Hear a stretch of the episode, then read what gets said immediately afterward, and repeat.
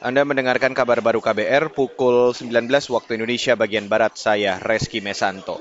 Saudara Presiden Joko Widodo menekankan pentingnya meningkatkan persaingan Indonesia di antara negara lain di dunia. Jokowi mengatakan ada tiga fondasi utama untuk meningkatkan persaingan Indonesia, yaitu infrastruktur, hilirasi, dan industrialisasi serta digitalisasi. Tiga fondasi itu penting dibangun agar daya saing Indonesia lebih kuat. Infrastruktur, ini mungkin baru terasa akan terasa nanti lima tahun atau sepuluh tahun yang akan datang. Tidak bisa instan kita rasakan sekarang. Tetapi begitu kita berkompetisi dengan negara-negara lain, kalau infrastruktur kita, kalau stok infrastruktur kita baik, akan kelihatan kita bisa bersaing atau tidak bisa bersaing. Presiden Jokowi juga menyampaikan sejumlah pencapaian selama masa pemerintahannya yang menjadi pondasi Indonesia berkompetisi dengan negara lain. Di bidang infrastruktur, pemerintah membangun ribuan kilometer jalan tol dan non-tol baru, belasan bandara dan pelabuhan baru, puluhan bendungan dan jutaan hektar irigasi lahan pertanian.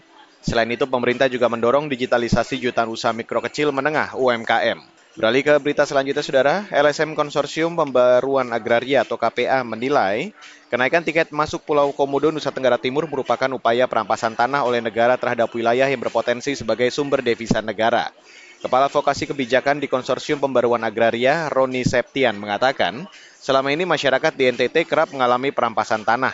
Sebelumnya, di pemerintahan Orde Baru, masyarakat NTT juga terpaksa pindah dari tanahnya karena penetapan Pulau Komodo sebagai kawasan Suaka Marga Satwa. Artinya dengan orang masyarakat komodo tersebut dimiskinkan karena aksesnya dibatasi oleh pemerintah, terutama melalui kenaikan tiket ini, masyarakat diharapkan atau dibayangkan oleh pemerintah mereka tidak akan betah untuk tinggal di Pulau Komodo, tidak betah lagi untuk menjadi salah satu pelaku pengelola wisata di eh, Labuan Bajo sehingga mereka diharapkan untuk pindah dengan sendirinya. Kepala Advokasi Kebijakan di Konsorsium Pembaruan Agraria, Roni Septian menduga Gubernur NTT Victor Bungtilu Laiskodat dan BUMD PT Flobamor NTT menjadi pihak yang diuntungkan dari kebijakan kenaikan tiket masuk Taman Nasional Komodo karena mengelola Pulau Komodo dan Pulau Padar.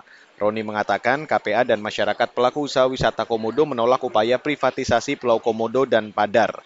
KPA juga memprotes tindakan aparat TNI dan Polri yang represif menanggapi protes warga terkait kenaikan harga tiket. Sikap aparat disebut dianggap hanya melayani kepentingan pemodal dan mempercepat pemiskinan warga. Saudara Ikatan Dokter Indonesia atau IDI menghimbau pemerintah melakukan tindakan pemeriksaan kesehatan bagi para pelaku perjalanan luar negeri, khususnya dari negara yang mengalami peningkatan kasus cacar monyet.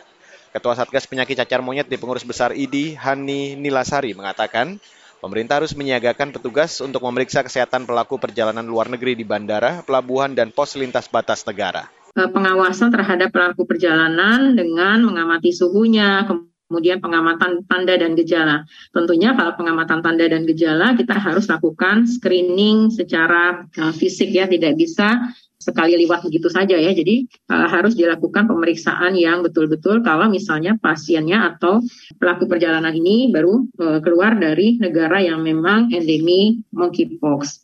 Ketua Satgas Cacar Monyet di Pengurus Besar Ikatan Dokter Indonesia, Hani Nilasari menambahkan, bagi pelaku perjalanan luar negeri yang menunjukkan gejala terkena cacar monyet, dianjurkan melakukan isolasi mandiri. Gejala cacar monyet biasanya berupa demam, sakit kepala hebat, nyeri otot, sakit punggung, lemas, pembengkakan kelenjar getah bening, dan ruam. Dan saudara, demikian kabar baru saya Reski Mesanto.